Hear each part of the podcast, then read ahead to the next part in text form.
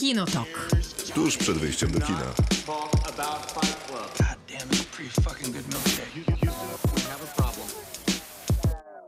Krzysztof Majewski. Miłosława Bożek. Maciej Stasierski. O, Maciej Stasierski, tyle energii po obejrzeniu Darku. Od środy ja- do poniedziałku. dzisiaj, Trzy sezony dzisiaj Darku. jestem, dzisiaj jestem pierwszy dzień na cateringu dietetycznym, jestem strasznie zmęczony. No, czekaj, y, pociąg, pociągnijmy ten temat. A ile kalorii? Dwa tysiące. No to Mało. niewiele. To nie... To strasznie, jestem tak głodny. a, zja- a zjadłeś już y, piąty posiłek? Tak. A o której? No do, o dwudziestej. O, zresztą masz dwie godziny programu przed sobą. I know. Chcesz kawę? Nie, nie, mam e, tutaj e, produkt kawopodobny. Aha, no dobrze. Ale z cukrem? Bez, niestety też. O, no to najgorzej. No ale jakoś będziemy motywować Ja mas... kupię, a czekają na Tak? mnie chipsy w domu. A to chyba nie ma sensu jeść chi- y, chipsów, jak jesteś na diecie. Absolutnie nie ma, ale generalnie nie wytrzymam po prostu.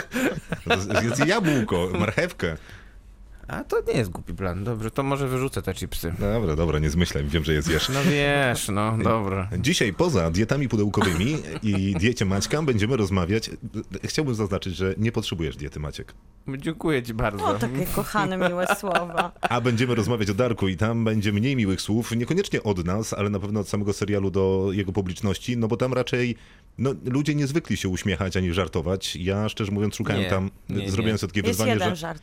Naprawdę? I świetny. O to może nie Który? pamiętam, ale w którym sezonie? W każdym. Jest, e, jest to bardzo...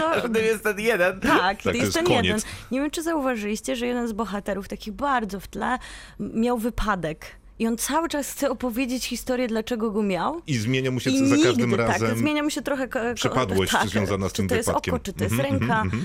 I on nigdy A, nie dostaje racja. szansy Tak, opowiedzenia tej historii do końca. Jest to bardzo żartobliwy i konsekwentny motyw przez trzy sezony, wręcz do finału. Nie, nie poczułem tego oddechu humorystycznego ani trochę. Po angielsku mówi się na to comic relief. O tak, to tu nie ma. nie Mm. czułem się relief ani trochę.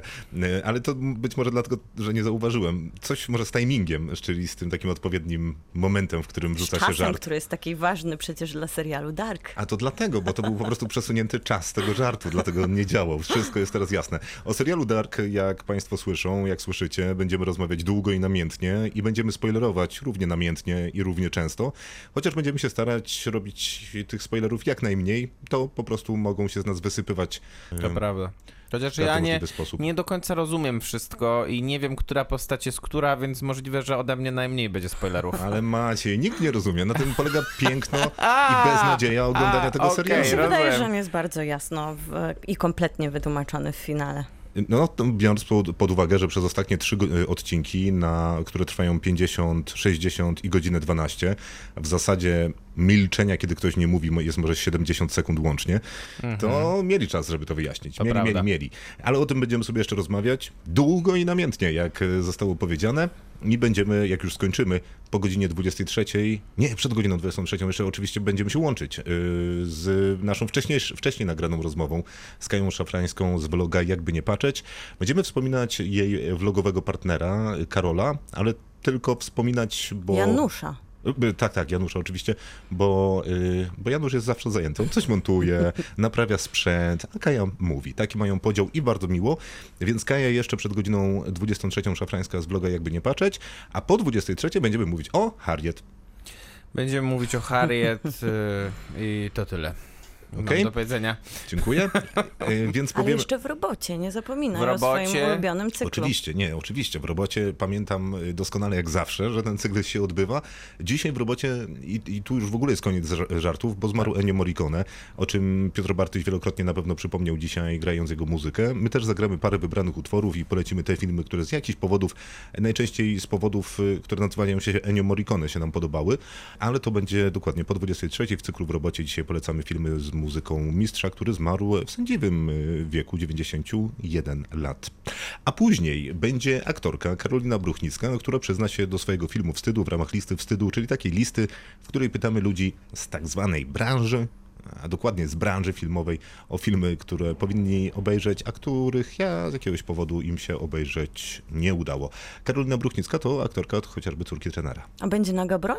No to naga broń, tak jak jest w scenariuszu i w naszych y, długich rozmowach i dyskusjach, y, jest taką ją, y, opcją awaryjną. Jakby nam Okej. zostało trochę programu, to jeszcze przypomnimy o nagiej broni, która trafiła na streaming wszystkie trzy części. I, Na HBO Go. I to było w sumie miłe przypomnienie, bo ja kompletnie zapomniałem o tym filmie. Kinotok. Serial. Serial nazywa się Dark. Jest dostępny na Netflixie, ma trzy sezony, każdy z tych sezonów ma osiem odcinków. Odcinki Nie, pierwszy ma 10 odcinków. Pierwszy ma 10 odcinków, drugi i trzeci mają po 8 odcinków, a w dodatku trwają te odcinki po około 50 minut. A nawet godzina czasami. Dlatego mówię około. E, Maciej, zaczniemy od ciebie, ponieważ ty Dlaczego? jesteś na świeżo. Wszyscy jesteśmy Wszyscy tak naprawdę jesteśmy troszkę chyba. No nie, no ale Maciej obejrzał trzy sezony pod rząd przez ostatnie 7 dni. To prawda, obejrzałem trzy sezony pod rząd i generalnie chyba jestem w gronie dosyć chłodnych entuzjastów tego serialu. Nie ukrywam. Pierwszy sezon jest, uważam, wybitny. Natomiast ym, zaczynają się. We... Bardzo, bardzo mi się podoba twój chłodny entuzjazm. Pierwszy sezon jest wybitny.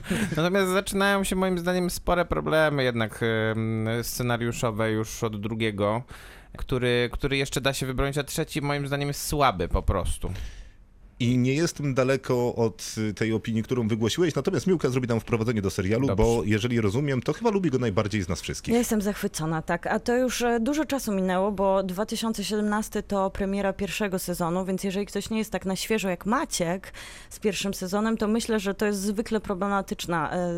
Problematyczna sytuacja w wypadku każdego następnego sezonu po pierwszym. Tak, a my oglądaliśmy ten pierwszy sezon mniej więcej w tym samym czasie, bo gdzie indziej też o nim mówiliśmy. Tak, się składa, że ja nie pamiętałem nic. Mało tego, ja byłem przekonany przed y, trzecim sezonem, że oglądałem drugi. I właśnie. To nie była prawda. No są takie pomoce, które zorganizował sam Netflix dla wszystkich oglądających, podsumowania pierwszego i drugiego sezonu w kontekście trzeciego sezonu, ale wydaje mi się, że to jest taki serial, tak jak omówili sami twórcy, bo to jest para, która stworzyła Dark, Baran Bo Odar i Jante Frise, y, którzy są partnersko zaangażowani, to są tacy showrunnerzy do, do, dosłownie do końca kompletni, bo oni go napisali, stworzyli i czuwali przy, nad całą koncepcją. Przy czym chyba Jan te reżyseruje.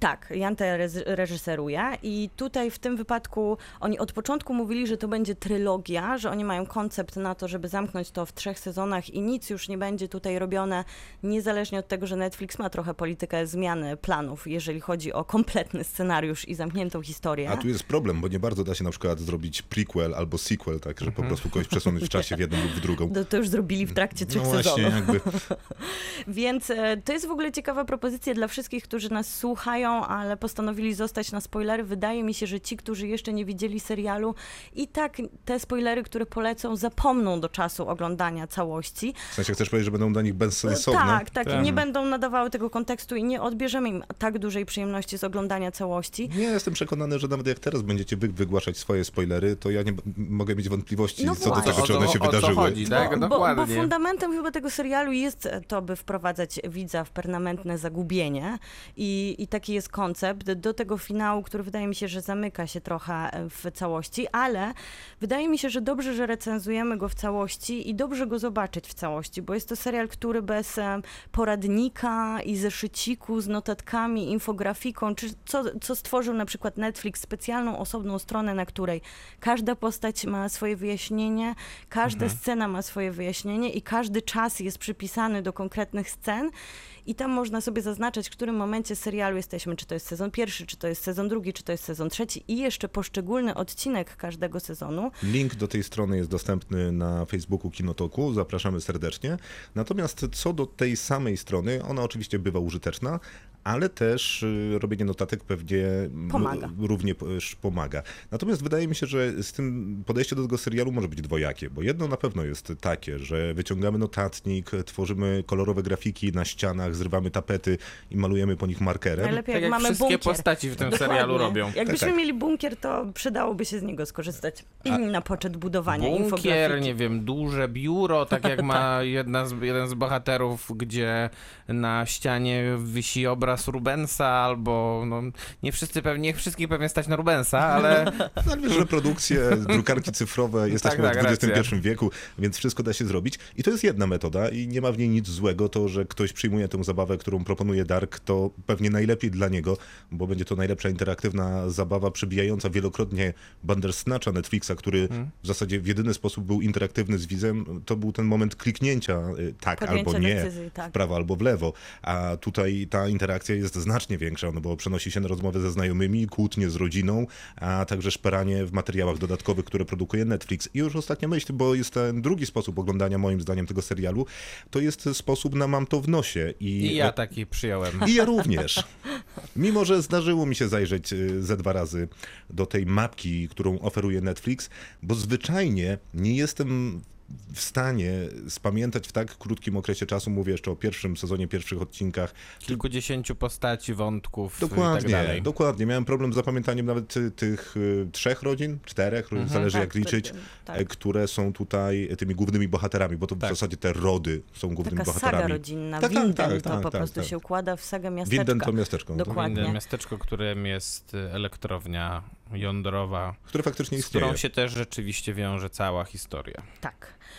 A wydaje mi się, że tutaj można tak sentymentalnie, jak początki e, serialu Dark były markowane tym, bo to pierwszy oryginalny serial Netflixa niemiecki.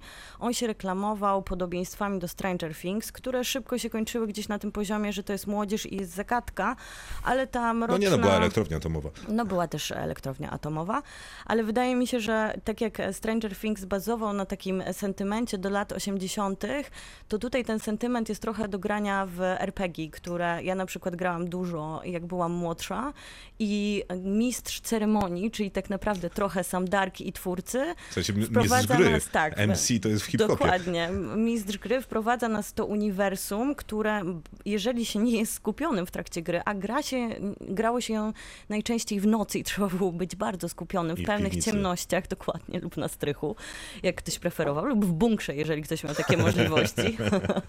to tutaj jest dokładnie gdzieś e, ten poziom skupienia, No które tak, ale to wymaga jest, ten to jest serial. dokładnie to, o czym y, mówiłem wcześniej i w pełni się zgadzam, że to jest serial interaktywny, który y, Mhm. faktycznie może snuć narrację z pozycji mistrza gry, no a ty jesteś graczem. Zresztą serial sam często mówi do swoich postaci nawzajem, że po tylu latach jeszcze nie nauczyłeś, nie nauczyłaś się grać w tę Tylko, grę. że e, fajnie jakby tak było do końca, a według mnie właśnie to jest problem tego ca całości tego serialu, że on jest tak pomyślany przez dwa pierwsze sezony. Przy czym e, w pierwszym to działa, w drugim W mniej. pierwszym działa wyśmienicie, naprawdę. W drugim już mniej, a trzeci jest sezonem, którym e, chyba twórcy stwierdzili, że mają jakieś ambicje jeszcze, żeby opowiedzieć jakąś e, o czymś, o czymś więcej.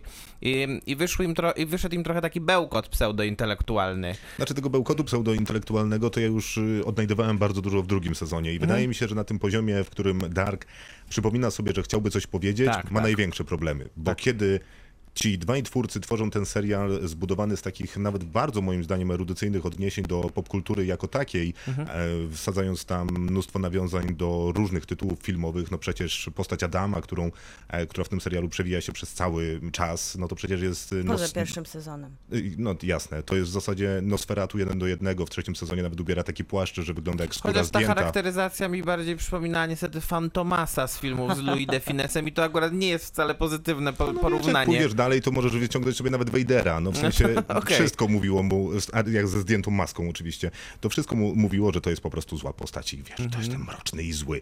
E, więc tych nawiązań było dużo i to było w porządku. Z drugiej strony on wybiera wszystkie chyba takie popkulturowe wątki z mistycyzmu i nauki, ale też w takiej wersji popkulturowej. No bo będziemy oczywiście mieli Schrödingera. Oczywiście będziemy mieli Tak. tutaj mechanikę kwantową. Oczywiście będziemy mieli tutaj klucz Salomona. Nić Ad- no ale no to, to, to jest literatura. No to już tam powiedzmy, że jeszcze też ujdzie. jakaś tam Ale będziemy popkultura. mieli determinizm Ale tak, no ale dokładnie. prawdopodobieństwa. Biblii jest tyle, że można by drugą, drugą napisać na podstawie e, i jeszcze mechanika kwantowa była, to było jakiś, nie wiem, tablica szmaragdowa. No więc te wszystkie rzeczy tam są i, i wydaje mi się, że to jest słabość i siła tego serialu, bo jeżeli ktoś jakby jest za pan brat z tymi wszystkimi tezami, teoriami, przeszedł już ten albo okres w swoim życiu, albo już to wszystko wie i go to zwyczajnie nie interesuje, wydaje mu się nieco banalne, to się zmęczy. Natomiast dla wszystkich tych, którzy stwierdzą, że o ja nigdy nie słyszałem, będę zaginał znajomych na imprezach i spotkaniach towarzyskich, no to będzie to wspaniały nośnik Tak. tego serialu w życiu. Ale wydaje mi się, że tutaj jest to pomyślane w taki odrębny sposób od tego, co nauczyła nas trochę amerykańska popkultura, czyli seriale i filmy, bo jednak tam to jest często takie wytłuszczane i powtarzane, na pewno tak, żeby widz nie przegapił, że rozmawiamy o ważnych tematach, które Nie, są podkreślone słownie. tak? Tylko, że... One są tutaj wykładane nam, ale nie są już powtarzane. One się pojawiają, są opowiedziane, wręcz tak akademicko są nam przedstawione, bo sami bohaterowie błądzą, więc oni też potrzebują przewodnika. To są Tylko czy to nie różne- utrudnia odbioru jednak, że Właśnie też się zastanawiam, co, że- co lepsze albo co że gorsze. to nie jest e, jednak, w, no to są, to nie są jednak proste rzeczy e, pokazywane tutaj i e, te motywy, z których korzystają twórcy nie są banalne, z zarania nie są banalne, natomiast jak się ich nie powtarza lub nie tłumaczy w sposób bardziej konkretny, no to można się zmęczyć ze względu na to, że po prostu wypa- wychodzi to trochę jak pustosłowie. Oni rozmawiają, ale nie rozmawiają i nie A tłumaczą. rozmawiają dużo. Ale rozmawiają bardzo dużo i, i, i miałem wrażenie, szczególnie w tym trzecim sezonie, że trochę jakby rozmawiali obok siebie i zupełnie, zupełnie jedno mówiło co o czym innym, drugie o czym innym odpowiadało i tak sobie rozmawiali, ale nie rozmawiali. Wydaje mi się, No że i odpowiedzią na to pytanie jest to, że moment. Ten serial nie jest dla każdego i ktoś, kto podejmuje tą grę, tak jak przedstawialiśmy to i postanawia w nią zagrać, chyba się nie męczy tym tak bardzo. Okej, już jesteśmy, proszę się nie bać. Ta muzyka zostanie z nami, ale tylko w tle i już nikogo nie będzie straszyć. Ja bym No, chciała wrócić no nie wiem, no nie wiem. Ja bym chciała wrócić do tego scenariusza, bo rozmawialiśmy o tych odwołaniach, na przykład determinizmie Nie, czy o- Opisz teoriach teraz jakieś mroczne zdarzenia. prawdopodobieństwa. Wydaje mi się, że ostatnio mamy więcej seriali, które proponują nam takie rozwiązania. Na pewno Westworld był pierwszym, który bardziej nas wprowadził w taką filozoficzno-teoretyczną E, ja- strukturę, ja w- czy ja- ja ogóle- ostatnio. Ja w ogóle mam przygotowaną tezę, na poczet której uważam, że Dark i Westworld to są seriale prawie identyczne. To zaraz pewnie dojdziemy do tego, że A do Lisa tych Joy i twoich Jonathan... seriali dołożyłbym jeszcze DOA. Tak, no bo to też e, ten wspólny mianownik dwójki scenarzystów i twórców, którzy znają się albo są to No, związki partnerskie, opowieść jest albo podobna. Ale wydaje mi się, że te, te relacje między showrunnerami, że jest to jakaś para, koncepcyjnie odbijają się na tym, że jest to jakiś projekt dziecko, który od dłuższego czasu jest przemyślany. Trochę tak Okej. było z DOA i z Alem Batmanji i tutaj budujesz Ja się, napięcie. tak, Tak, ja, ja tak. się przestraszyłem. I. Lisa J. i Jonathan Nolan też powtarzali przecież przez lata, że Westworld jest takim ich pomysłem na pięć sezonów koncepcyjnie rozpisanym pewnie w ich bunkrze. Tam wszystkie postacie mają swoje miejsca i linie I przybite paradoksalnie do... Znaczy, trzeci akurat- tak samo się rozpadł jak domek z kart. Tak, to prawda, Tak, ale tylko że u Lisy wydaje mi Joy się- i Christophera Nolana podejrzewam, że nie jest No właśnie, nie- nie ma- Jonathana oczywiście uważam, że tam jest ek- e- ekskluzywne biuro penthouse'u jednak O, bardziej to niż w. Ja Ale, myślę, ale z tym też- Rubensem na pewno na ścianie. Bo Co to jednak... nie, oczywiście. Ja myślę też, że pieniądze dużo zmieniły dla takiego Westworldu, a Dark tak naprawdę widać to w projekcie, że pieniądze się pojawiły większe niż przy pierwszym sezonie, w drugim sezonie czy w trzecim sezonie, ale wydaje mi się, że one nie zmieniły scenariusza i tutaj gdzieś ta Mhm. konsekwencja dla mnie y, w ogóle nie, nie jest taka widoczna jak dla was y, rozpadająca się w każdym kolejnym sezonie, wręcz przeciwnie dla mnie ta struktura, że pierwszy jest taki bardzo konkretny, wprowadzający w te uniwersum, drugi znowu jest taki, że Że można było tak, że, ale że z drugiej strony Mhm. wydaje ci się, że twórcy się zagubili i proponują nam rozwiązania, które już idą w tą stronę takiego trochę spłycania historii. Tak naprawdę one są niezbędne, żebyśmy otrzymali No tak, tą ale konstrukcję trzecim, trzeciego a w sezonu. trzecim dostajemy z kolei taką e, sztucznie pogłębioną historię, która, e, no tak jak mówię, mnie wymęczyła. Ja bym chyba chciał po prostu, e, żeby ten serial pozostał w klimacie, który został wprowadzony w pierwszym sezonie. I, e, I myślę, że byłby to, byłby to bardzo dużo ciekawszy serial. A nie myślisz, że to jest trochę takie działanie świeżości, bo na pewno Dark nas e, w 2017 zaskoczył po pierwsze tym, Maćka że był tak... Tylko e, mnie nie, bo No, ja w Nawet 2020... teraz, on nawet teraz jest świeży, bo Jest, po pierwsze jest. jest. europejski i nie, nie proponuje nam takich rozwiązań, do jakich przywykliśmy, zwłaszcza z perspektywy Netflixa. I ta, ta Nie, marka jest, jest niemiecka na pewno dobry, tutaj... dlatego że po pierwsze jest poważny, jest i bardzo dobrze traktuje Widza. swoje gatunkowe, gatunkowe jakby origin, czyli poko- pochodzenie, e, a przy okazji korzysta z tych motywów, o których Krzysztof wspomniał. Tylko, że jak dla mnie, no trochę zapomina niestety o tej gatunkowości. Ale słuchajcie, na rzecz właśnie filozofii, która być może nie musi być, nie musi być jej tak dużo po prostu. Ale słuchajcie, to też jest jeden z niewielu serialów, seriali, który tak poważnie traktuje widza, e, Mhm. który stawia gdzieś tą, to co zwykle seriale proponują nam w takiej wersji light, czyli jeżeli się nie skupisz, to nic się nie stanie, bo odwołamy do tego albo powtórkę na początku serialu, na, to, to tak, na początku seriali, jak mieliśmy kiedyś w dawnych, dobrych czasach produkcji mniej jakościowych. Przykład w zeszłym będą- tygodniu przy Little Fires Everywhere. Dokładnie, czyli taka powtórka z rozrywki. Tutaj nie ma tych powtórzeń, nie dość, że na początku, to tak naprawdę w trakcie serialu. To jest serial, który wymaga pełnego skupienia od widza i zaangażowania. Jeżeli go nie dajemy, to on też nie daje nam z powrotem trochę jak w tą grę satysfakcji z wygranej. Po prostu się gubimy. I to jest rzadkie, żeby faktycznie przez trzy sezony tak poważnie podchodzić do nas i nas widzów i sugerować, że damy sobie radę i że nie trzeba wszystkiego opowiadać nam w taki sposób, jak przyzwyczaiły nas e, produkcje amerykańskie naj, najczęściej. I to jest bardzo miłe wrażenie. Czy ono męczy, czy nie, ja Mhm. się czułam naprawdę poszanowana z perspektywy twórców. No, znaczy, jako... chyba rozumiem, o co ci chodzi z tym szacunkiem Też. i być może to jest y, faktycznie prawda, bo rzadko się zdarza, ale to też oddaje duży hołd Netflixowi, który przy okazji musi być przeszczęśliwy, że odważył się i zainwestował w serial raczej ryzykowny, a Na ma pewno tak. e, produkt jakości no, czy połowicznej jakości, czy jakiejś tam części jakości Westworldu Nie no, ma- za znacznie, znacznie mniejsze pieniądze. Natomiast y, ten serial dla mnie ma dużo problemów. Przede wszystkim sam fakt, że nie jest amerykański, to od razu nie musi znaczyć, że musi być niemiecką gotycką katedrą, y, do której się wchodzi i każdy jak mówi szeptem, bo mówi się albo szeptem, albo się krzyczy, to ten głos zwielokrotniony, odbitym echem ustawionym przez niemieckich architektów tej katedry staje się głosem ostatecznym i potężnym.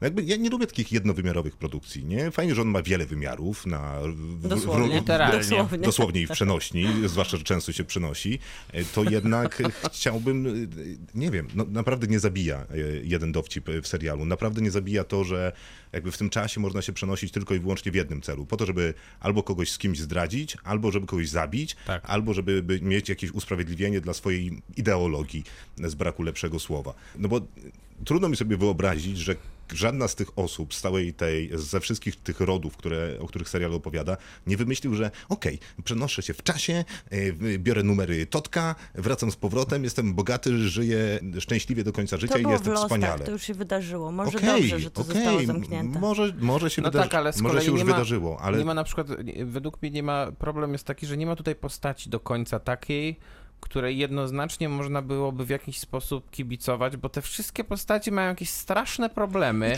I i wszystkie postaci są tak bardzo co najmniej wątpliwe moralnie, że no jakby dużo łatwiej jest odbierać No nie, no, serial. ale, Ale to nie, jest, ale to jest to akurat jest ta myśl, naj- którą serial sobie wymyślił, że on stara się udowodnić, że niezależnie od tego, co zrobimy, jakie decyzje podejmiemy, to ten determinizm Mhm. zmusi cię do tego, że i tak będziesz człowiekiem, który będzie miał jakieś grzechy ja na swoim jeszcze- koncie. I niezłym nam przykładem jest chyba ta postać Kateriny, która w każdym kolejnym sezonie robi jakiś taki numer, w którym czuje się zdradzona.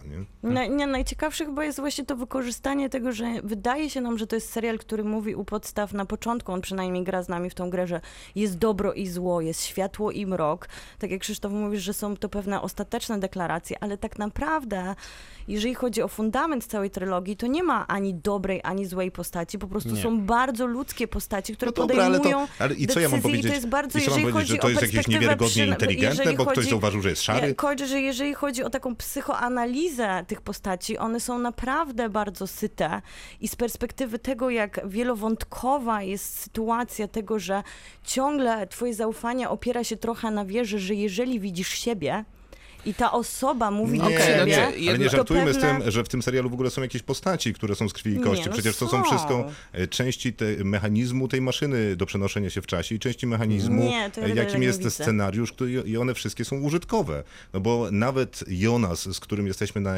ekranie zdaje się najwięcej, albo Marta, no to trudno zapałać do nich jakąś sympatią, Tak. bo oni, nawet sam Jonas mówi, że on ma dosyć robienia czegoś tam, żeby coś się stało. No bo nic innego nie robi. No. Z Albo nimi, kopie, z nimi, albo z biegnie. To ewentualnie i tak można jakąkolwiek więź złapać, ale na przykład postać, która się nazywa Hanna, no z całym szacunkiem, ale no ta kobieta y, nie ma w sobie absolutnie nic, co by, mm, co by pozwalało wydobyć wobec niej jakiekolwiek pozytywne e, emocje. Ale to pożądanie, Jest które ona reprezentuje, bo tutaj ona, każdy ona nie ma reprezentuje pożądania, pewne- ona reprezentuje... zemstę, em, zawiść i pożądanie. no to, no to, to, to, to dla mnie to nie jest, to, to nie jest wiarygodnie przedstawione, bo to jest wręcz karykaturalne, że ona po prostu sypia ze wszystkimi mężczyznami, którzy są na ekranie. No A teraz In the Woods, Somewhere, to Hosier. To oczywiście też piosenka z serialu, który zawsze się kończy poważną piosenką, każdy odcinek. Mroki, mroki, mroki, dark, dark, dark. Macie i coś się tak się Nie, nie, wasza ja odpowiedzi bo, jakiś. bo mam wrażenie, że strasznie jednak krytykujemy, a z drugiej strony może warto Nie. jednak powiedzieć o tym Nie, ja castingu. nie- Nie, krytykujemy? Słuchajcie, ale to trzeba najpierw zaznaczyć dla wszystkich, którzy nie widzieli i zostali z nami, a w sumie nie spoilerujemy, że są trzy sezony, trzy i więcej tak naprawdę płas- płaszczyzn czasowych i Aha, to nie więcej spoilerujemy, jest to też teraz się zdecydowaliśmy. Teraz powiedziałaś No nie. już wszystko. no nie, no nie. No, okej, I nie, losy tak czy nie, już to bohaterów zrobiłaś. i e, sak rodzinnych się przeplatają, bo samych, sam jeden bohater ma tak naprawdę jeszcze swoje inne wersje z przyszłości, więc z perspektywy castingu, jak mówiliśmy o tym, że to taki świeży serial był, czy to 2017, czy nawet z perspektywy Maćka 2020, to fra- Ale wciąż faktycznie, 17.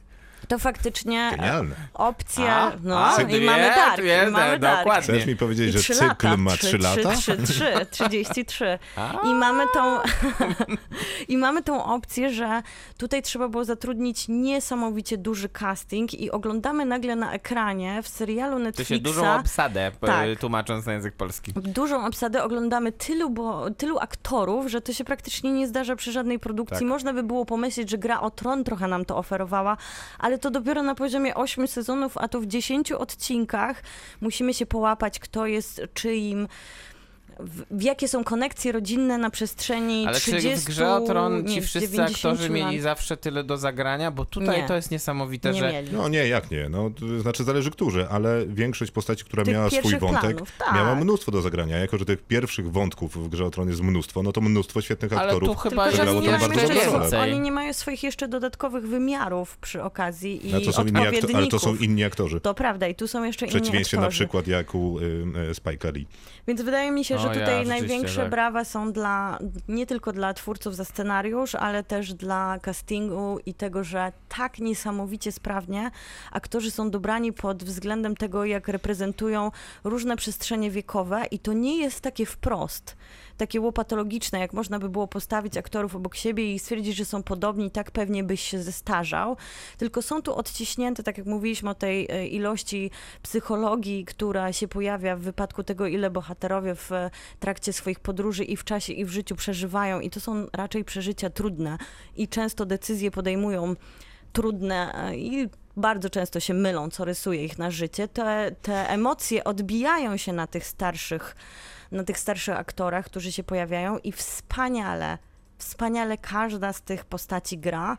To jest oglądanie produkcji europejskiej, w której naprawdę śpiewająco wypadają wszyscy, jeżeli chodzi o Tak, to, co pierwsze, mają do drugie, zagrania, trzecie, dziesiąte, trzydzieste, trzecie plany. Sprawdza się znakomicie.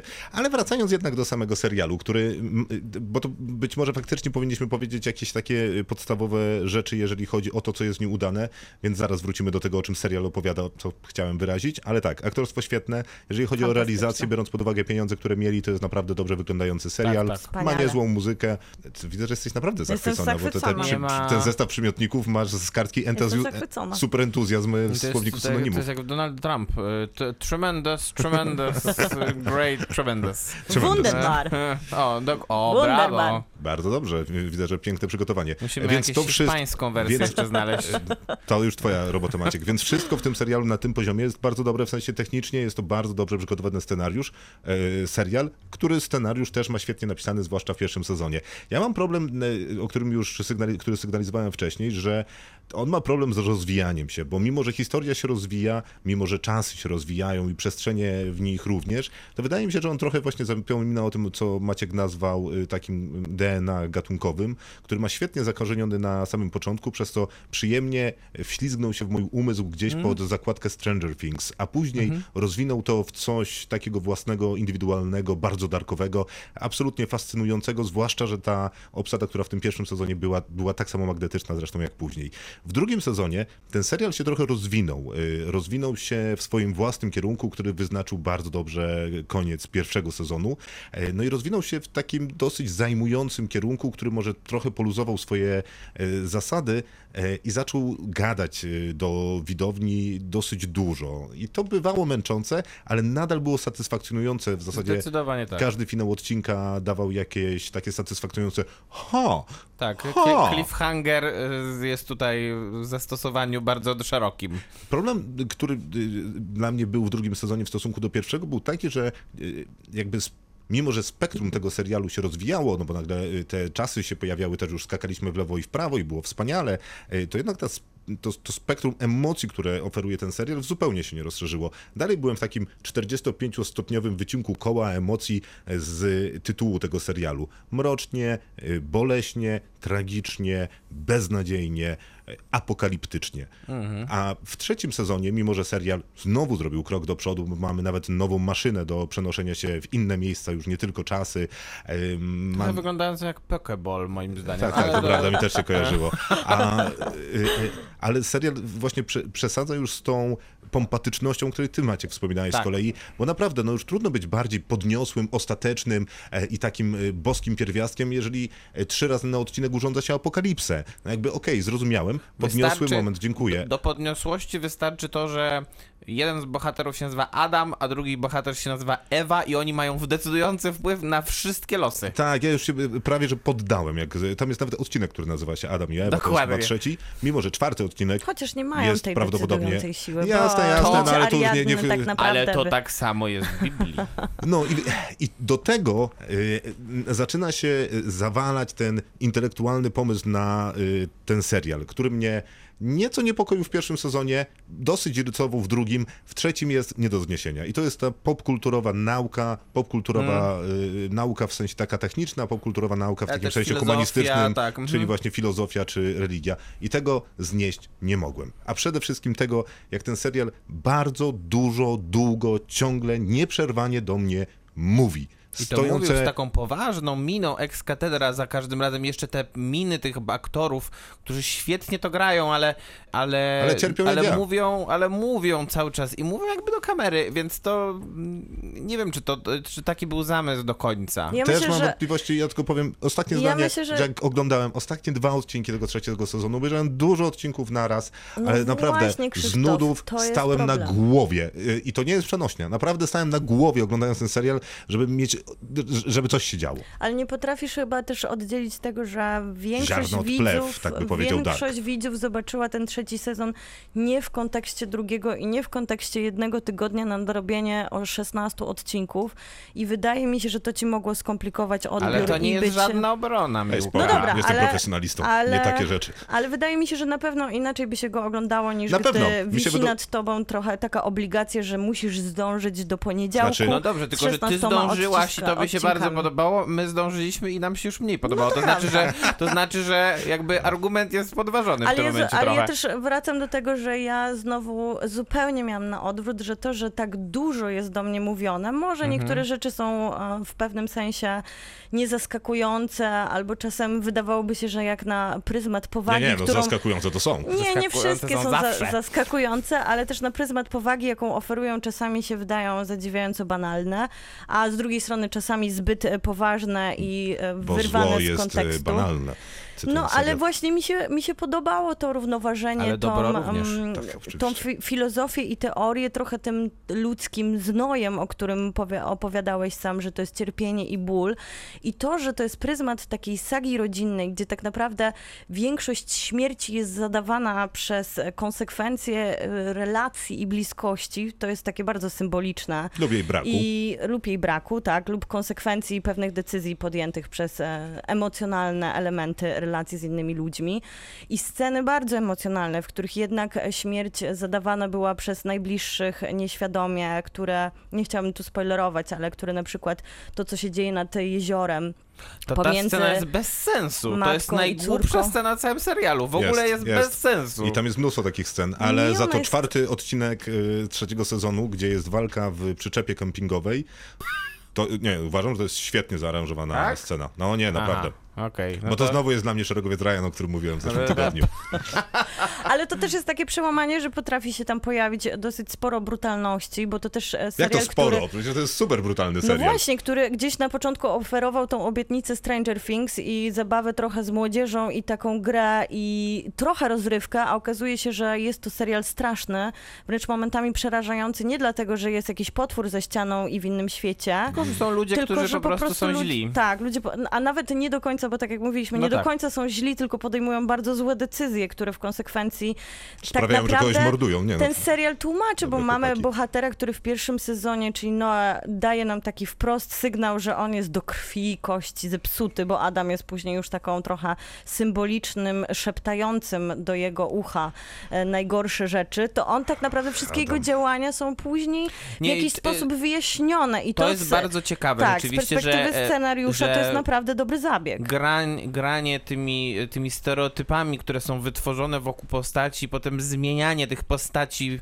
em, tak naprawdę stryknięciem palcami to jest- jest, jest bardzo ciekawe. No jasne, E, tylko, tylko, do że- trzeciego razu. Tylko że, tylko, że w tym trzecim sezonie jest tego, jest tych wyjaśnień stosunkowo najmniej, a poza tym tak jak mówię, no mm, jak, jak zaczęli do mnie mówić, e, jak zaczęli do mnie mówić em, e, filozoficznie, biblijnie, religijnie, to ja po prostu troszeczkę przestałem wierzyć w to, że, e, że ten serial dalej jest gatunkowy. I właśnie to jest największy dla mnie, to jest największa dla mnie Ale bolączka. sam finał, który nie, nie, już nie, nam... nie, nie, nie, ale bardzo satysfakcjonujący serial, wszyscy Ale się tak, zgodzą. to prawda. Tak.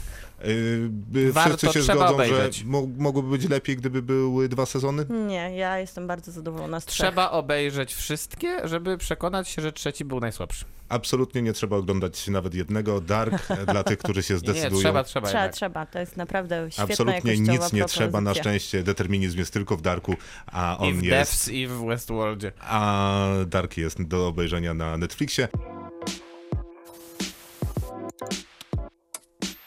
Kinotok. Serial.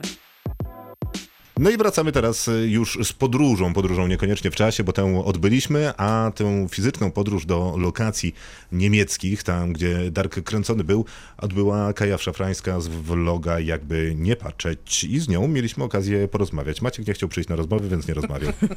No to co? To Y, puść już. To dobrze. puść, No to ciach. Kolejny cykl waszego projektu Śladami seriali, tym razem jest to Śladami Dark. Ale Kaju, powiedz tylko, że y, wy pojechaliście tam do pracy, a nie na wakacje, no bo y, nie wypada nam opowiadać o twoich wakacjach. Nie, nie, to nie były wakacje i jakbyście tam byli z nami, to byście zrozumieli, że to naprawdę nie są wakacje. Y, Wiele osób często jak wyjeżdżamy właśnie życzy nam miłego wypoczynku albo dobrej rozrywki. Nie, nie, to w ogóle jest jakby, to, to, to są dokładne przeciwności wypoczynku i rozrywki. To jest bardzo ciężka praca, bo zazwyczaj mamy bardzo napięte grafiki i w tym wypadku też było tak samo. Nawet bym powiedziała, że nawet bardziej, ponieważ ten wyjazd w ogóle miał nie dojść do skutku. Bo przez pandemia. pandemię. Bo pandemia, no bo po prostu nic w tej chwili już nie dochodzi do skutku, bo pandemia, myśmy się zawzięli i co więcej, e, to nawet nie tyle myśmy się zawzięli, ile nasi widzowie się zawzięli, ponieważ tuż przed pandemią mieliśmy już wszystko dogadane, mieliśmy plany, mieliśmy sponsorów tego wyjazdu i przyszła pandemia. No i jak sobie możecie wyobrazić,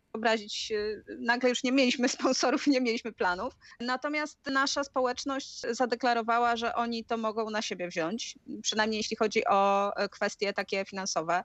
Zrobiliśmy zrzutkę na Patronajcie. No i cóż, i nazbieraliśmy tyle, żeby do tych, pod ten Berlin pojechać właściwie do Berlina. Na szczęście to nie jest bardzo e, drogi wyjazd. To też jest taki tip dla wszystkich, którzy będą chcieli się wybrać, bo ogólnie to polecam. W Taką sensie, żeby zrobić zrzutkę, Powtórzyć. żeby zrobić zrzutkę na Nie. Patronajcie. Nie, żeby, żeby sobie odłożyć e, odrobinę kasy, bo to nie jest bardzo, bardzo ekskluzywny wyjazd. Jasna sprawa, do, za- do Berlina bliżej niż y, do Warszawy. A spytam jeszcze o takie kwestie techniczne, bo wy jako No. kanał filmowy e, skontaktowaliście stawaliście się z tym berlińskim odpowiednikiem tego, co we Wrocławiu nazywamy Wrocław Film Commission, czyli instytucją, która zajmuje się szukaniem lokacji i udostępnianiem ich filmowych w Berlinie, która bardzo prężnie tam działa i, w jakiś sposób was przez ten proces przeprowadzili, czy zrobiliście to zupełnie oddolnie? Nie, no aż absolutnie nie. My jesteśmy bardzo samodzielni i już się nauczyliśmy też, żeby nie liczyć na niczyją pomoc, jeśli chodzi właśnie o wyszukiwanie na przykład lokacji, bo to się nigdy nie udaje. Było już kilka takich deklaracji, że nam ktoś pomoże, ale ostatecznie jakoś tak się kończyło, że no Google. Byliście sami jak bohaterowie serialu Dark. A przy Tak. okazji pandemii, y, to nie utrudniła też pandemia wam dostępu do niektórych lokacji, które znaleźliście, sami sobie poradziliście, ale Na nagle szpital jakiś. no szpital czy hotele, bo wiemy, że to były jeszcze chwilę przed e, otwarciem wszystkiego w takiej rozluźnionej opcji, więc może mieliście problematyczne niektóre e, sytuacje i na przykład po prostu dzięki waszym charyzmatycznym możliwościom i tym, że działacie po prostu tak świetnie samodzielnie przekonaliście i macie jakieś, przekonaliście właścicieli lokacji, macie jakieś świetne anegdoty, jak ktoś was puszczał do zupełnie na przykład pustego hotelu. Tak, tak, przyznajcie się do nich publicznie. No popatrz, tak było. Skąd wiesz? Skąd wiedziałaś? Nie, no nie ukrywaliśmy tego, ponieważ też e, całą, e, ta, cały ten wyjazd relacjonowaliśmy na bieżąco na Instagramie. I tak, z jednej strony nie było aż tak trudno, jak myśmy myśleli, bo założyliśmy, że w ogóle w Niemczech to tam wszyscy w maskach w ogóle siedzą po domach i się izolują. Wręcz przeciwnie, mam wrażenie, że my w Polsce jesteśmy bardziej przestraszeni tym, co się dzieje, niż oni.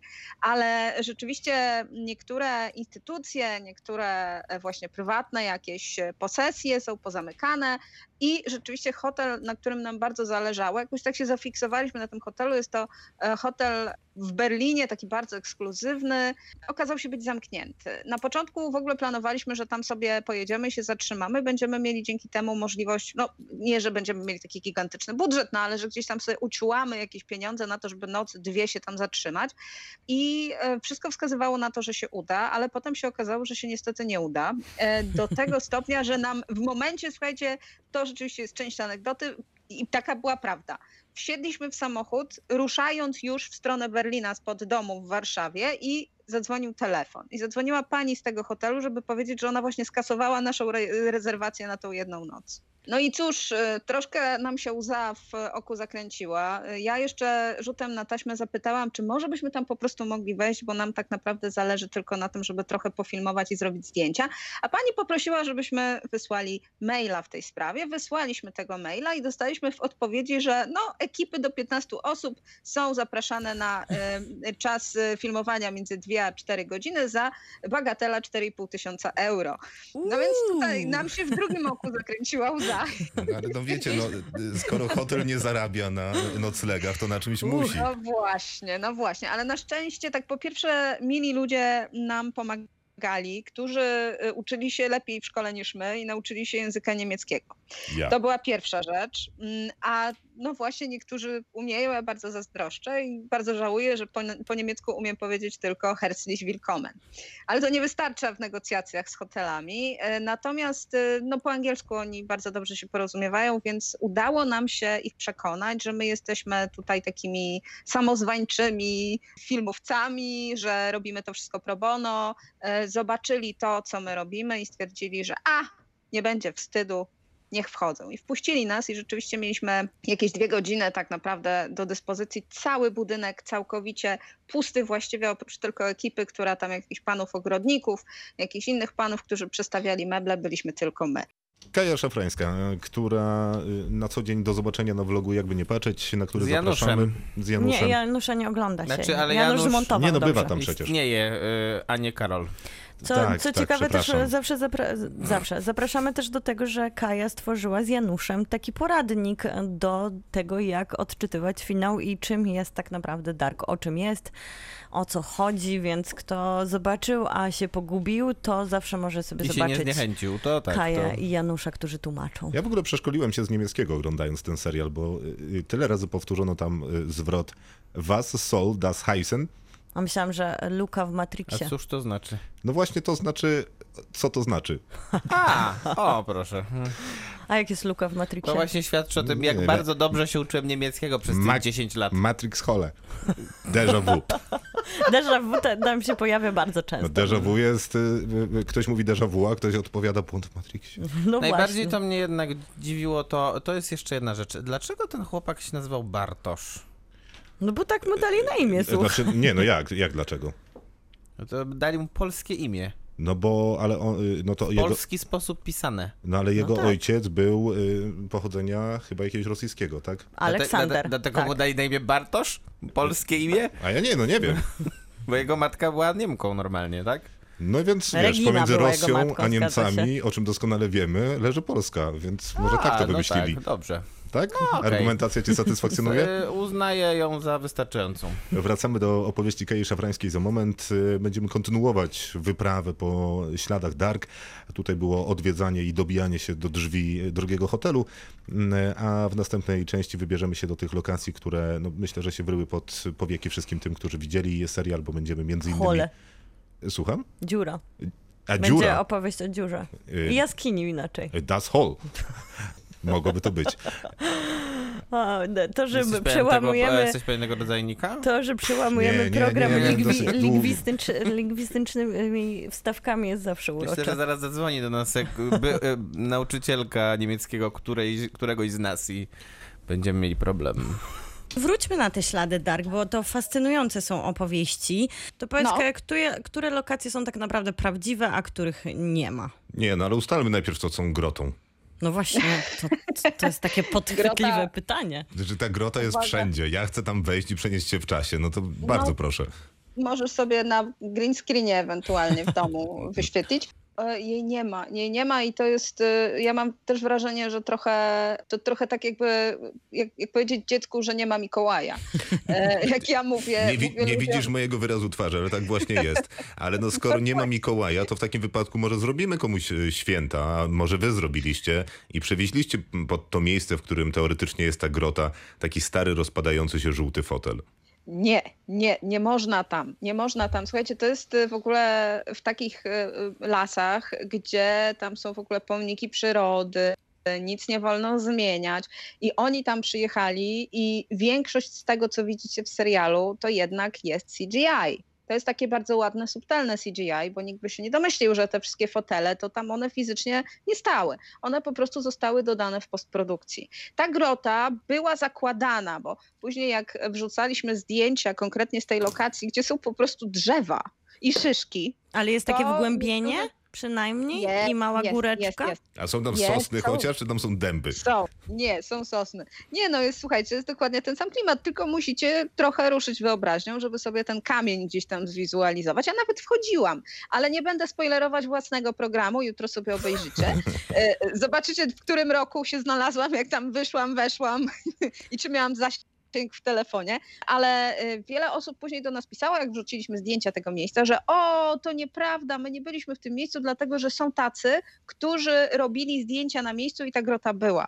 E, Oczywiście są tacy, którzy byli wtedy, kiedy były kręcone zdjęcia. To tam wtedy ta scenografia była ustawiona i można było sobie zrobić zdjęcie, no ale to byli nieliczni, którzy byli tam na miejscu i mieli ogromne szczęście.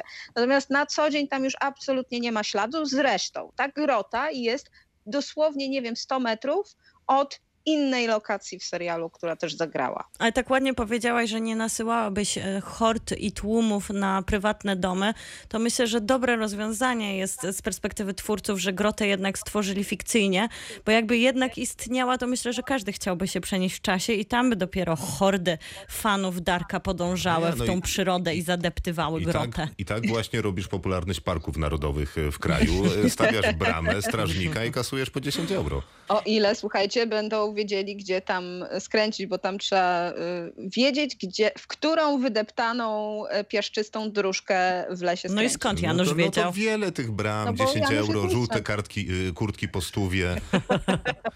Znaki wiecie, z że- żółtych kurtek. A wiecie, że ta żółta kurtka to w ogóle nie da się jej kupić. Tak chciałam tylko powiedzieć, bo ja w ogóle miałam, zabrałam sobie jedną żółtą kurtkę, w ogóle przegrzebałam cały internet, żeby znaleźć podobną y, i znalazłam między innymi informację, że ta konkretna kurtka to nie, nie jest jakiś 4,5 model tysiąca kupiony. euro teraz kosztuje.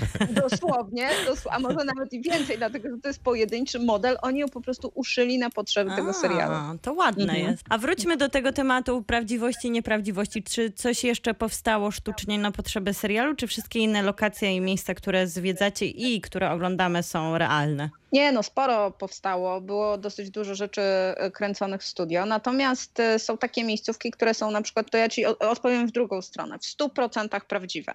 I tutaj na przykład e, w 100% prawdziwy jest kościół, ten kościół, który tam oglądamy w bardzo wielu scenach, ten taki złowrogi, groźny, piękny kościół. Żeby było śmieszniej, to jest kościół, który mm, został zainspirowany kościołem, który stoi w Karpaczu takim e, kościołem z kolei, który został przeniesiony z Norwegii. To jest długa historia. Troszkę o niej opowiadam w tym programie. Cały w drewnie w każdym razie Tak. dla tych, którzy w Karpaczu nigdy cały, nie byli. cały, tak, cały drewniany, tak zwany kościół słupowy, to tak one się nazywają. E, I on jest przepiękny e, i z zewnątrz, i od wewnątrz. I tutaj też mam anegdotę, bo my ogólnie mieliśmy taki dosyć pechowy wyjazd. Tam trochę pogubiliśmy sprzętu, Janusza ugryzł kleszcz, biegaliśmy po krzakach, tak. Natomiast mieliśmy szczęście, jak pojechaliśmy właśnie do tego kościoła, ponieważ udało nam się y, tam być, jak absolutnie nikogo nie było, bo to jest, y, to jest w ogóle kaplica cmentarna. Byliśmy tam praktycznie sami, siedzieli jacyś dwaj panowie, którzy y, bardzo nas zachęcali, żebyśmy weszli do środka i w ogóle mieliśmy cały ten kościół dla siebie całkowicie pusty. Natomiast chwilę później wszyscy się tam spakowali, którzy byli chyba z obsługi, pojechali, zamknęli ten kościół. I później przyszła jakaś para ludzi, którzy postanowili wejść do środka, otworzyli drzwi, ponieważ nie były zamknięte na klucz i rozległ się taki bardzo wyjący alarm. I bardzo ci ludzie uciekali. A my spojrzeliśmy po sobie i pomyśleliśmy sobie, hm, widać już ten, e, wiecie... e, Nagłówki w ten, gazetach. Polacy próbowali okraść niemiecki kościół. Nie, ale myślę, że pech nam się już po prostu Właśnie w klątwa Darka was odpuściła. Tak, dokładnie. Kaja Szafrańska z Zwologa, jakby nie patrzeć, do którego polecamy zajrzeć, tam do zobaczenia, no właśnie, to wszystko, o czym rozmawialiśmy lokacje. i opowiadaliśmy, te wszystkie lokacje, ale nie wszystkie historie, które usłyszeliśmy na antenie Radia Ram w Kinotoku, który jeszcze do północy. A będziemy za moment rozmawiać o filmie Harriet, który polecił nam Maciej. Dlaczego to Nie, zrobiłeś? nie poleciłem, tylko zasugerowałem, że warto byłoby Winny, obejrzeć, shame, e, shame. gdyż jest to jedyny film z filmów nominowanych do Oscara mm, w jednej z głównych kategorii, w kategorii najlepsza aktorka na pierwszym planie, który w Polsce nie miał oficjalnej dystrybucji kinowej A nie miał nominacji za piosenkę i najlepszą? miał Miał, nominację za tak. piosenkę też. Miał. No, ale to nie jest główna kategoria Oscarowa. no jest to prawda. E, Czy to jest stand-up? Ten fi- tak, to stand-up, ta piosenka, tak. I to jest najlepsza część filmu, ta piosenka? Nie ma tej piosenki w filmie, jest na napisach końcowych. No ale powiedzmy całego uniwersum Tak. tego filmu? Napisy E, końcowe są najlepszą częścią całym tego uniwersum tego filmu jest to najlepszy element. To za moment y, o Harriet y, będziemy rozmawiać. Teraz Cynthia Erivo i Stand Up. While the clouds roll back and the stars fill the night, that's when I'm gonna stand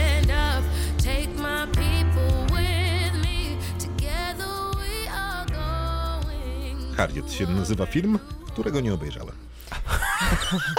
Ale my ci nawet składaliśmy poza anteną gratulacje, że niewiele straciłeś. Może poza lekcją historii, która jest fascynująca, to sam film poza właśnie taką... Wydaje mi się, że to jest trochę jak oglądanie bohaterki przez szybę muzeum, to doświadczenie oglądania tego filmu. Harriet Ładna Tub- metafora. Harriet Tubman to jest bohaterka tego filmu i jedna chyba z bardziej inspirujących postaci amerykańskiej historii, e, bo kobieta, która e, urodziła się w niewoli, e, z tej niewoli udało jej się uciec, a potem em, wyciągała kolejne osoby, znaczy ratowała te osoby i dzięki niej przynajmniej 70 osób stało się wolnymi ludźmi. 70 czarnoskórych oczywiście niewolników stało się e, wolnymi ludźmi. I też była jedyną kobietą w historii e, wojny secesyjnej, która prowadziła wojsko samotnie. Ja, ja to Okej, nawet czytałem- mam dane, że 19 misji i 300 osób jej się udało A na tych 300 nawet. 19 misjach wyzwolić e, z I i własnego 700, stanu Maryland, e, z którego uciekła, ona wracała. I uciekła do Dokładnie Pensylwanii. tak, tak. e, wracała tam skąd uciekła i pomagała swojej rodzinie uciec z tego samego miejsca. Dużo miała czyli- rodzinę. No, Tak, w ogóle miała podoba mi bardzo się ta rodzinę. sytuacja, bo tak mówicie do mnie, y, przekrzykując się jak takich dwóch y, konkurujących nauczycieli, kto mnie lepiej nauczy o tym filmie. Filmie. E, Dwie rzeczy. O samej Harriet raczej, bo tak, nie tak, o filmie. tak, tak, ja- jasne. Dwie rzeczy są takie. Pierwsza jest taka, że mamy takiego słuchacza podcastu, który zarzuca nam, że nie oglądamy seriali do końca, więc ja się wytłumaczę, że obejrzałem serial do końca, dlatego nie dałem rady obejrzeć filmu. A druga sprawa jest taka, że mam do was pytanie, które brzmi tak. Mm, Pamiętacie książkę, która dostała bodaj nawet Pulitzera, która nazywa się Kolej Podziemna? Czy po przeczytaniu tej książki w Harriet mm, będzie dla mnie jeszcze lekcją historii jakimś uzupełnieniem, czy będzie już wszystkim, co Tam, wiem? tam te, te, sama kolej się pojawia tylko jako fragment e, takiego spotkania, gdzie ona pada jako nazwa i pomysł, ale Tak. kolei nie ma jako takiej, bo to też e, sama Harriet nie działała właśnie w kolei. Ona działała naziemnie tak naprawdę i te swoje misje po prostu były proste. Ona też zaskoczyła wszystkich, że tak naprawdę bez przygotowania, bez wielkiego planu stworzyła takie, taką sieć domów prywatnych i ludzi, którzy jej pomagali na drodze właśnie uwalniać ludzi, więc samą książkę czytałam ja też, Kolej Podziemną i tam jednak ta e, historia Harriet się nie łączy tak bezpośrednio. I sama Harriet jest niesamowicie fascynującą postacią historyczną i chyba właśnie dlatego szkoda, że Gregory Allen Howard to jest człowiek, który napisał scenariusz do tego filmu. Podobno pisał go przez 25 lat. Nie czuć tego na pewno na ekranie, a może właśnie czuć, bo to jest bardzo staromodny film i mocno telewizyjny, więc może faktycznie to się wydarzyło 25 lat temu, a teraz oglądamy to na ekranie. A ja tylko chciałam Warto- tą historię opowiedzieć, że. Mm, Scenarzysta pitch, starał się spiczować już przez lata, swój, w sensie sprzedać go wytwórni, e, swój pomysł na film i odezwała się do niego mała wytwórnia, która stwierdziła, że tak, scenariusz im się bardzo podoba, ale widzą, znaczy ale, ale mają pomysł, żeby obsadzić w roli głównej Julię Roberts i e, sam on, e, Julia Roberts, jak wiadomo, jest białą kobietą. wysoką, Ha- szczupłą Harriet białą kobietą. Tubman miała, nie miała 1,60 m i była czarnoskórą kobietą. Dobra, I- przepraszam, i ale tutaj mam to brzmi jak nawet, część marketingu słuchajcie. tego filmu, albo ja mam Nie, ale- zbyt dobra, dobrą opinię o świecie. Najlepsze jest to, że rozmawiamy o tym filmie, ale w ogóle nie rozmawiamy o tym filmie. Ale ja To jeszcze prawda. jedną rzecz chciałem powiedzieć o Harriet Tubman, bo ona jest Aha, żeby dalej nie na tyle, tak, filmie. dokładnie, na tyle Świetny ruch. fascynującą postacią, że był taki plan, żeby stała się pierwszą kobietą w historii Stanów Zjednoczonych, której wizerunek zostanie umieszczony na banknocie dolarowym. Mhm. Natomiast administracja Donalda Trumpa w, w, sp- na czas nieokreślony odsunęła tę realizację tego pomysłu. To jest taka interesująca informacja. A co do filmu, to jak już doszli do wniosku, że jednak Julia Roberts jest zbyt biała do tej roli, to chcieli obsadzić w, w roli 25 czy 20-paroletniej kobiety niskiej Viola Davis O, wow. która, e, e, która e, nie, nie, nie wymawiając kobietą w wieku, ale jednak jest po pięćdziesiątce i nie jest wcale niską, drobną kobietą, tylko raczej taką e, solidnie zbudowaną, Ale, e, ale ja wiem, co się działo znakomitą aktorką, ale myślę, że nie pociągnęłaby tej roli. To znaczy, z drugiej strony problem jest taki z tym filmem, że e, tam nie ma za bardzo roli Tak. i Cynthia Erivo e, robi co może, dwoi się i troi na tym ekranie, żeby wycisnąć jakiekolwiek emocje Em, i myślę, że nominację do Oscara, którą dostała za rolę pierwszoplanową em, Można wy- powiedzieć, że nawet zasłużenie, bo jakoś Tak. broniła brak scenariusza i najgorszy film, w jakim mogła wystąpić, a to jest wielka strata, bo Cynthia Erivo wydaje się być bardzo obiecującą, bardzo ciekawą ak- aktorką, którą myśmy na przykład, Krzysztof, widzieli w Outlanderze, Outsiderze, se- miniserialu HBO, pamiętasz? Nie, tak, ja to widziałem w wielu miejscach. Tak. E, źle się dzieje w El Royale, też Tak, to tak, Maciek tak. Mhm. wspominał o filmie w jakimś swoim e, cyklu w robocie. Tak jest. Jasne, który więc- też lubię. E, e, Czy tam gra też Jenny Monet?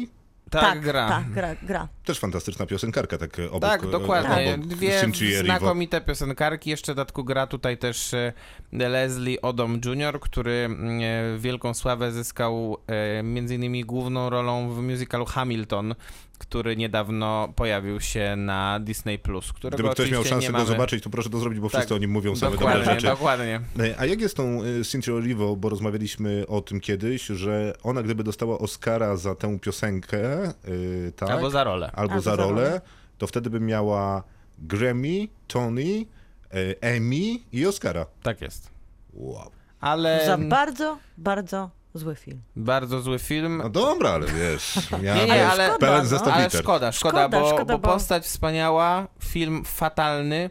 I tutaj zacytuję, e, bo w tym filmie dużo bardzo śpiewają. akurat dobrze wybrali to w Cynthia sensie to jest Erivo. musical? musical to No taki właśnie nie, i tutaj, tutaj zdecyduje kolega. Pozdrawiam mojego kolegę Macieja Kowalczyka, który zresztą jest, pisze dla takiego portalu Pełna Sala i który skomentował ten film w A taki to, sposób. poczekaj, to ja pozdrawiam mojego kolegę Błażeja. Boże. E, który napisał. Który Ja na... pozdrawiam Maćka. Którego Maćka? Mnie? To, to nie jest twój kolega. No i... Okej. Który napisał. Nie ten Maciek. Który Ten napisał Maciek bardzo celnie, że ten film, gdyby, że gdyby, gdyby mieli e, twórcy jaja, to by zrobili z tego filmu musical i być może to byłoby dużo lepsze rozwiązanie. To jest świetne, to jest świetny cytat, a ja wczoraj oglądając ten film miałam nawracające skojarzenie z polskim filmem Piłsudski, gdzie te skojarzenie nie bierze się Tam nie tylko śpiewali. stąd, nie, ale nie bierze się tylko Nie, stąd, jest że jest to najgorszy fatalny. film, ale w Piłsudskim były takie elementy telewizyjne, jak przejście w czasie z taką sepią i kolorkami, które y, pokazywały rok i wydarzenia, plus taką kolorystykę sugerującą Rozumiem, Telewizja czasy. 2000, W 2000 tym rok. wypadku też mamy takie elementy, kiedy nasza bohaterka rozmawia z Bogiem, to pojawiają O, się mamo. niebieskie przebłyski różnych scen z przeszłości, które właśnie tak boleśnie przypomniały mi te elementy po prostu wyglądające trochę w Piłsudskim jak sfotoshopowane i wklejone gdzieś w postprodukcji. Tutaj dokładnie w filmie Harriet miałam podobne wrażenie, że oglądamy coś takiego, gdzie jakby opo- opowiadając tak niesamowicie wspaniałą historię tak fascynującej bohaterki, można pozwolić sobie na tak realizacyjne. Natomiast warto Buble. śledzić karierę Cinti Erivo. Naprawdę warto.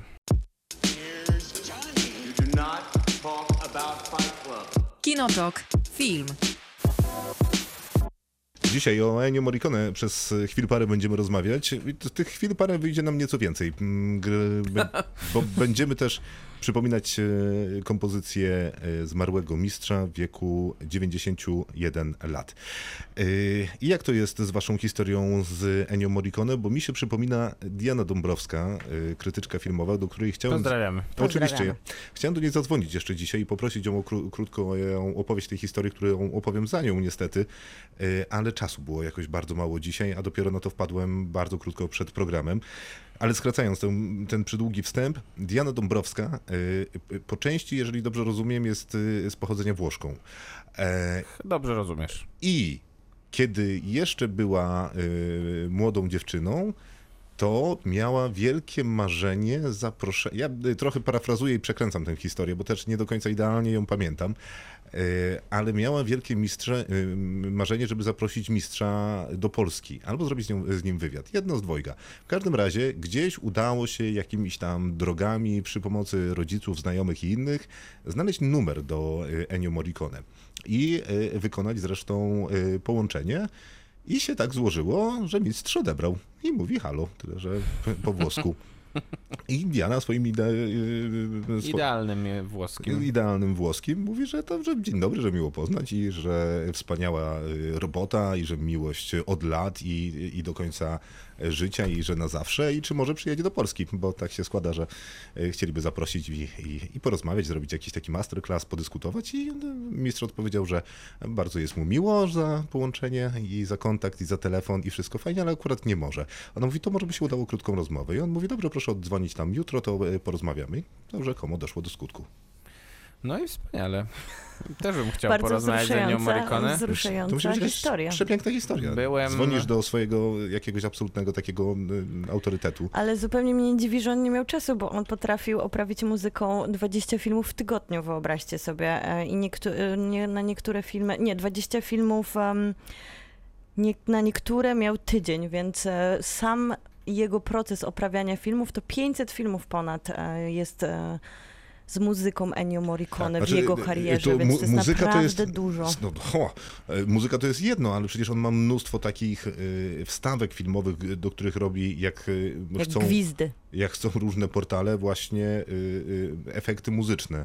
I przecież nawet w Incepcji jest y, niewymieniony co prawda w napisach, ale też tam dołożył rękę do jakichś efektów, a poza tym nie- niewiarygodna wręcz kreatywność, jeżeli chodzi o tą muzykę, bo on jest dokładnie po drugiej stronie muzycznych kompozycji do Hansa Zimmera, który zwłaszcza w ostatnich latach, mimo że uwielbiam Ctrl, wiele... Delete. O, Ctrl, Ctrl C, Ctrl V. Tak, tak, nie, nie, nie zamykamy komputera. Nie, przepraszam, Ctrl Alt Delete, Ma- wiem, dlaczego zadań na kiedy- tak. Coś dziwnego powiedziałem. Bo on jest też trochę menadżerem zadań, y, Hans Zimmer.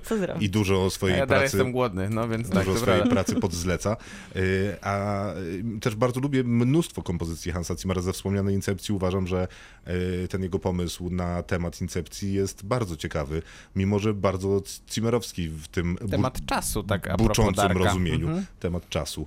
Dark myślę, że z Hansem Zimmerem jako kompozytorem tylko by zyskał. Tak. Natomiast Ennio Morricone, co robił film, to było inaczej, bo nieważne, czy robił western taki lepszy jakościowo, czy może taki bardziej radosnie strzelany, y, to było inaczej od tego, co później robił na przykład w Misji.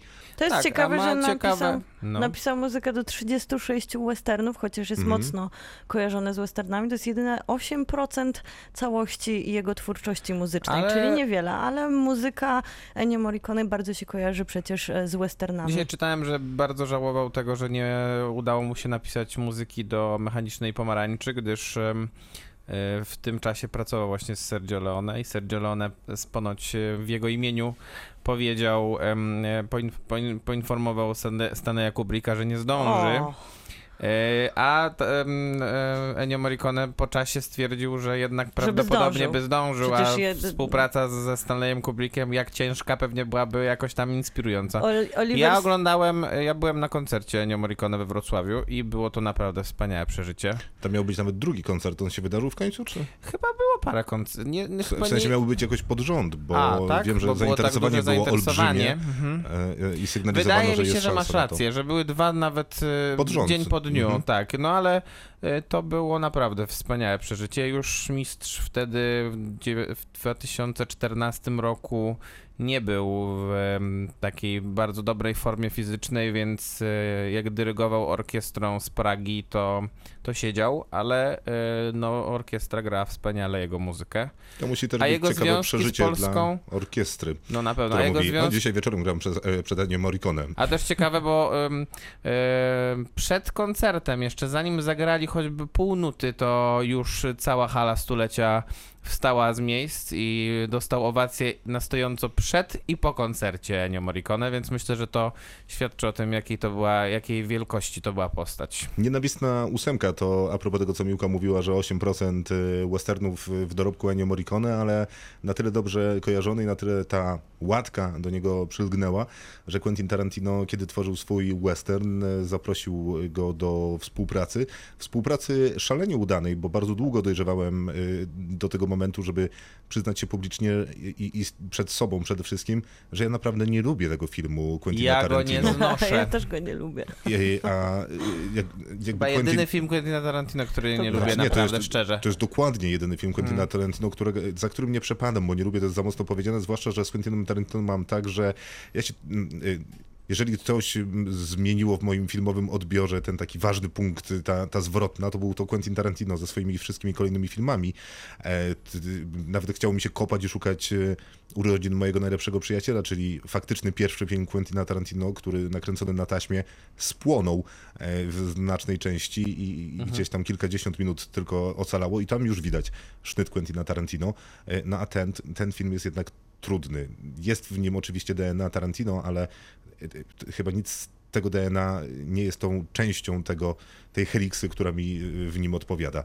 Natomiast y, muzyka Ennio Morricone, której słucha się przed seansem, ona się, soundtrack pojawił się zanim film trafił do polskich kin, robił olbrzymie y, wrażenie, mimo że te westernowe jako takie klimaty, y, przede wszystkim muzycznie, y, y, też mnie już męczą. I to chyba dlatego, ciekawe, że, i to chyba dlatego, że jak byłem człowiekiem jeszcze przed tym, jak zacząłem oglądać Quentina Tarantino, to oglądałem strasznie dużo westernów, takich, y, których tytułów nie pamiętam, bo one wszystkie miały takie same, tam Piw Paw o południu, y, po południu i przed wieczorem i to nie jest trylog- trylogia Richarda Linklatera.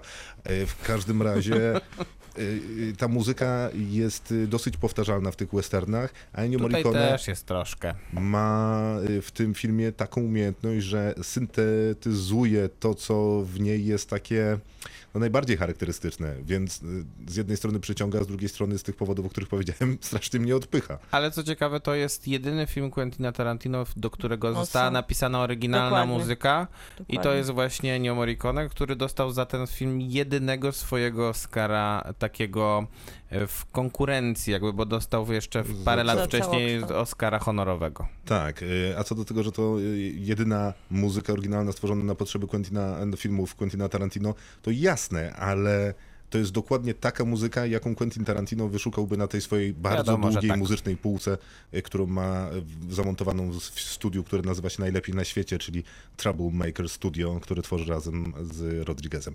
No to teraz z nienawistnej ósemki.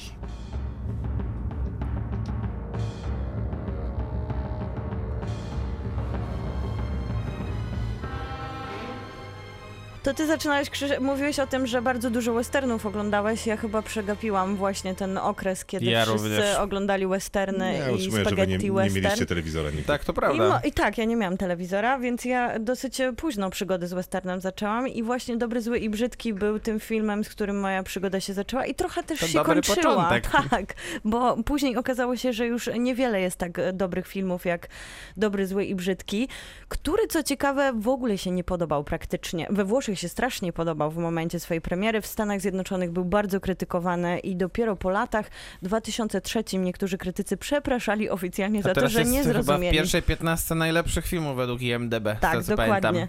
Więc e, trylogia Dolarowa, a to Dobry, Zły i Brzydki i ścieżka dźwiękowa właśnie Ennio Morricone była taka eksperyme- eksperymentalna mocno i każdy z bohaterów, a mamy tutaj trzech takich charakterystycznych bohaterów, miał swój dźwięk, który był dodawany w każdej scenie, w której on się pojawiał i tutaj tym eksperymentem było, że jeden z bohaterów, czyli Tucco, miał dźwięki ludzkiego głosu zmiksowane. To w tamtym czasie było bardzo dziwne i bardzo nowatorskie. A co to znaczy? Także po prostu ludzki głos, e, wyda- takie dźwięki były wyciągnięte z niego, że dawał ci cały ten film. Nie wiem, czy widziałeś go na pewno, skoro e, masz taką mocną przeszłość z spaghetti westernami. Mi się wydawał w mojej, której zapomniałeś już pewnie. w mojej przygodzie z, Pamiętam tylko taką jedną wielką toczącą się kulę. z, z filmem, wydawał mi się bardzo psychodeliczny, narkotyczny, taki dziwaczny i ta muzyka właśnie, która y, podbijała tą jego taką, no mocno absurdalny wrę- wręcz wymiar, bo tam są takie mocno przerysowane sceny, no właśnie wynikała z tego, że tam się pojawiały takie echa. No i to gwizdanie, które przecież e, dla Ennio Morricone jest takie charakterystyczne, które chyba już każdy rozpozna, chociaż właśnie e, westerny to tylko 8% jego dorobku. I też co do takich ciekawostek, przypomniałam sobie, że Ennio Morricone robił ścieżkę dźwiękową do Drogi do Piekła. To jest film Olivera Stona, gdzie w sumie, jeżeli chodzi o muzykę, to oglądamy też debiutującą na ekranie J-Lo. I sam Oliver Stone wysłał list do Ennio Morricone z przeprosinami za to, że ich wspólny film no poniósł fiasko, bo był to bardzo ostatnio źle, filmów, przyjęty film. Większość filmów A to był Olivera bardzo- Stone'a bardzo fajny film, po- polecam. um, urodzonego 4 lipca. E, Ale jest coś z Ennio Morricone a propos tego, o czym ty mówiłaś, Miłka, że on e, zdecydowanie już dawno temu i prawdopodobnie już na zawsze wykroczył poza ten świat filmowy i stał się zdecydowanie większy niż e, film, bo jeżeli nawet e, przypadkowych e, o- osiem nutek e, z utworów Ennio Morricone się usłyszy, e, to się raczej wie, o kim, Tak. się, e, Tak. o kim się mówi. I Dokładnie. wydaje mi się, że jest, nie wiem, John Williams, Hans Zimmer, Ennio Morricone, nie wiem, kto jeszcze mógłby dołączyć do, do, tej, do tej trójki, żeby była jakaś czwórka, ale no to są twórcy muzyki filmowej, którzy są e, bardziej znani niż niektórzy aktorzy. No, myślę, Czy że reżyserzy Robert sami. Downey Jr. jest mniej znany niż Hans Zimmer czy Ennio Morricone właśnie. Mo, może tak być. Myślę, że w ogóle ciekawe jest od, z, sprawdzenie filmów Giuseppe Tornatore, z którym Ennio Morricone był bardzo blisko i jak postanowił rok temu, że już na pewno muzyki filmowej nie będzie robił, to powiedział, że no chyba, że Giuseppe by do mnie zadzwonił, bo Ale dla niego... Giuseppe nie zadzwonił. No nie zadzwonił, ale dla niego bym zrobił muzykę zawsze i to przecież i Malena z Moniką Bellucci i bardzo miło było sobie przypomnieć 1900 Człowiek Legenda, który składa się z muzyki, bo to no przecież... i szczególnie Cinema Koneser. Paradiso. I tak, i Cin- i Cinema Paradiso, to wszystko rozbrzmiewa Ennio Morricone i to też są takie Ciekawe, czy filmy. Diana by była zadowolona, jak powiedziałem Cinema Paradiso. Dokładnie to chciałem powiedzieć. Ale mam, krwawi mi język, tak mocno się gryzłem. A ja chciałam tylko przypomnieć, że on zrobił jeszcze film do co? Y, muzykę do filmu Coś, czyli takiego Do moc- Carpentera. Tak, carpenterowskiego mocnego horroru z lat Zupeł- 80. W ogóle nie wydawałoby się, że w stylu wyborów muzycznych I, Ennio ale jeśli chodzi o coś, akurat to muzyka, którą która została stworzona do coś, potem została w pewnym sensie zmiksowana i zaadaptowana właśnie na nienawistną ósemkę. Tak przynajmniej twierdzą e, recenzenci soundtracku, za którego Ennio Morricone dostał Oscara. Wow, to jest super ciekawe. A co do coś, to też się super zgadzam, bo w ogóle nie pamiętam tej ścieżki dźwiękowej, ale może dlatego się bałem, bo coś jak oglądałem, to mnie dosyć przerażało.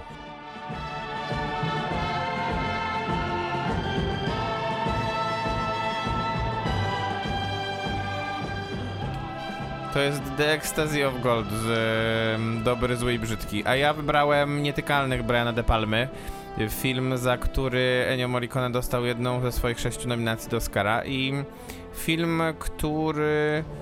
którego ja tak dziękuję, że mnie zagłuszasz. Nie zagłuszam cię, teraz chcę, żebyś ruszył uratować to miasteczko. Film, którego ja tak bardzo nie kocham w sumie, ale z drugiej strony jest to jedna z, z jedno ze wspomnień też z, to jest, to jest taki film, który właśnie obejrzałem na telewizorze kiedyś e, i pamiętam, że pamiętam z niego tyle, że bardzo był krytykowany za niego Sean Connery e, za ten słaby swój akcent, którego nie potrafił zaadaptować do warunków e, czasów Eliota Nessa i tej jego, tej, tej, tego środowiska, a potem dostał za swoją rolę Oscara, co było, co było dosyć paradoksalne. E, wspaniała, wspaniały ten film jest pod względem właśnie aktorskim, bo jest tam i właśnie Sean Connery i jest tam też Robert De Niro grający Ala Capone.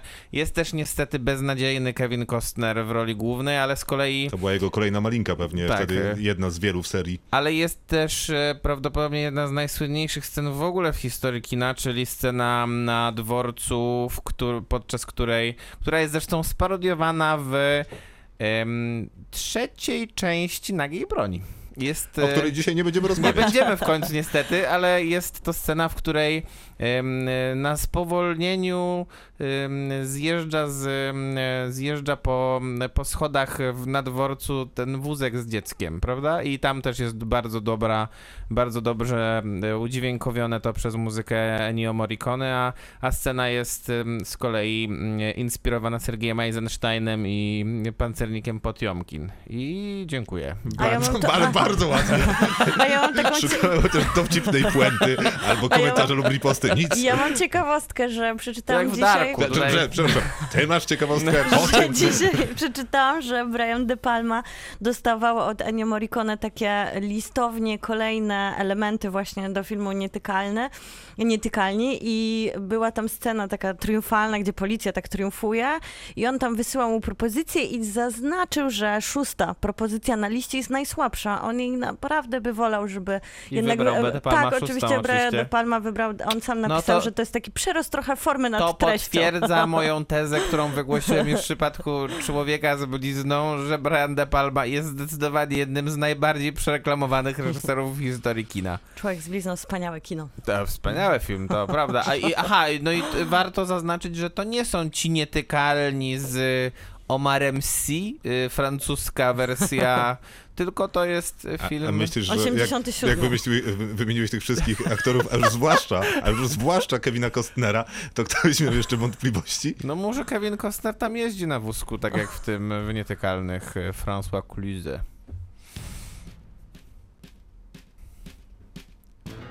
A to jest Ennio Morricone.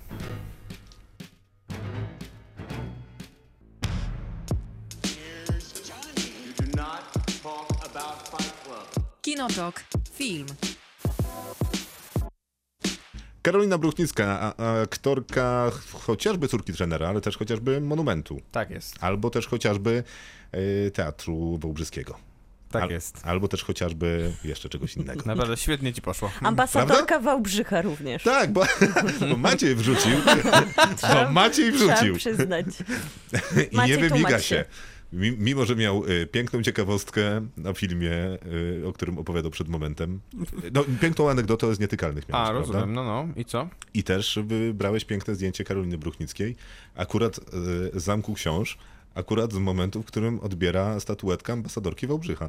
No to wspaniale chyba wszystko się ułożyło, nie? Fantastycznie, ale celowo? Nie no, tak raczej ten, przypadkowo. Ja myślałam, że to jest jakiś artefakt e, taki, wiesz, który na przykład otwiera bramę czasu w Darku i że to jest wszystko przemyślane. A akurat na Zamku Książ to by pasowało Na, wyjątkowo. na Dokładnie. zamku książ to tylko ciemno prawie noc, więc no... No nie tylko, no przecież też Dolina Bogów Lecha Majewskiego. A, dobrze, przepraszam. A to nie wiem, czy to lepiej, ale... Ja też nie, bo, nie, bo w zasadzie nie wiadomo kiedy premiera.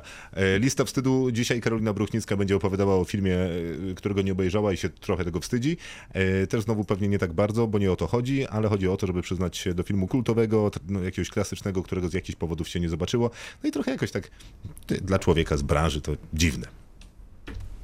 Nigdy, przenigdy nie widziałam ani jednej części Gwiezdnych Wojen. No i jakoś tak było na mnie po drodze. I jak myślę dlaczego, to być może dlatego, że jak byłam dzieckiem, to, to mnie zawsze bardziej ciągnęło do takich filmów realistycznych, które sobie mogę przełożyć na rzeczywistość, które sobie mogę po prostu w normalnym życiu wyobrazić. No i też e, jak miałam wybór na przykład, to oglądałam chętniej Eurosport niż bajki. E, Jak miałam wybór, to dużo chętniej oglądałam dramaty psychologiczne niż science fiction. E, No i na przykład też e, Harry Potter. Był taki straszny hype na Harry'ego Pottera, a ja widziałam tylko jedną część i to też tylko dlatego, że byłam wtedy na randce.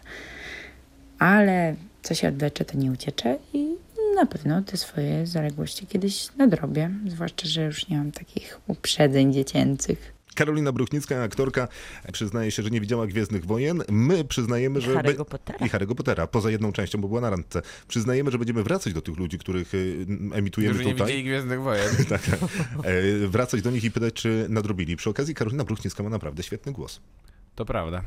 Ale ja mogę na przykład opowiedzieć o tym, że... Mm, y, Ja mogę zaoferować że, swój. Że mój kolega... Mamy że, 50, że, mamy że, 50 zgłaszam sekund. że w zeszłym, Mam nadzieję, że to jest w długa zeszłym, anegdota. w zeszłym tygodniu mówiliśmy, że mój kolega z bloga Mateusz Rot nie obejrzał Dnia Świra, więc Obejrzał. dnia, dzień później już się pochwalił na moim blogu Watching Closely, że obejrzał. Fatalnie, fatalnie, bo, bo ja właśnie miałem tworzyć specjalny e, Shame, shame, shame. E, taki... taki list, wiesz, ze, nie, ze stali nierdzewnej, z Może magnesami. Wyślij ich gdzieś do innego wymiaru.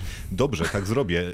E, Ten wymiar Jakiś medal im kino- będziemy dawać. za obejrzenie? Za kubkę wstydu. Bardzo dobrze. Miłka, ty masz zdolności, ty masz zdolności tak, plastyczne. dokładnie. Przygotuj projekt i przy, prototyp na za tydzień. A tymczasem to był Kinotok. Serdecznie dziękujemy. Podcast jutro. Krzysztof Majewski. Miłosława Bożek. Maciej Stasierski, dobranoc. Kinotok. Tuż przed wyjściem do kina.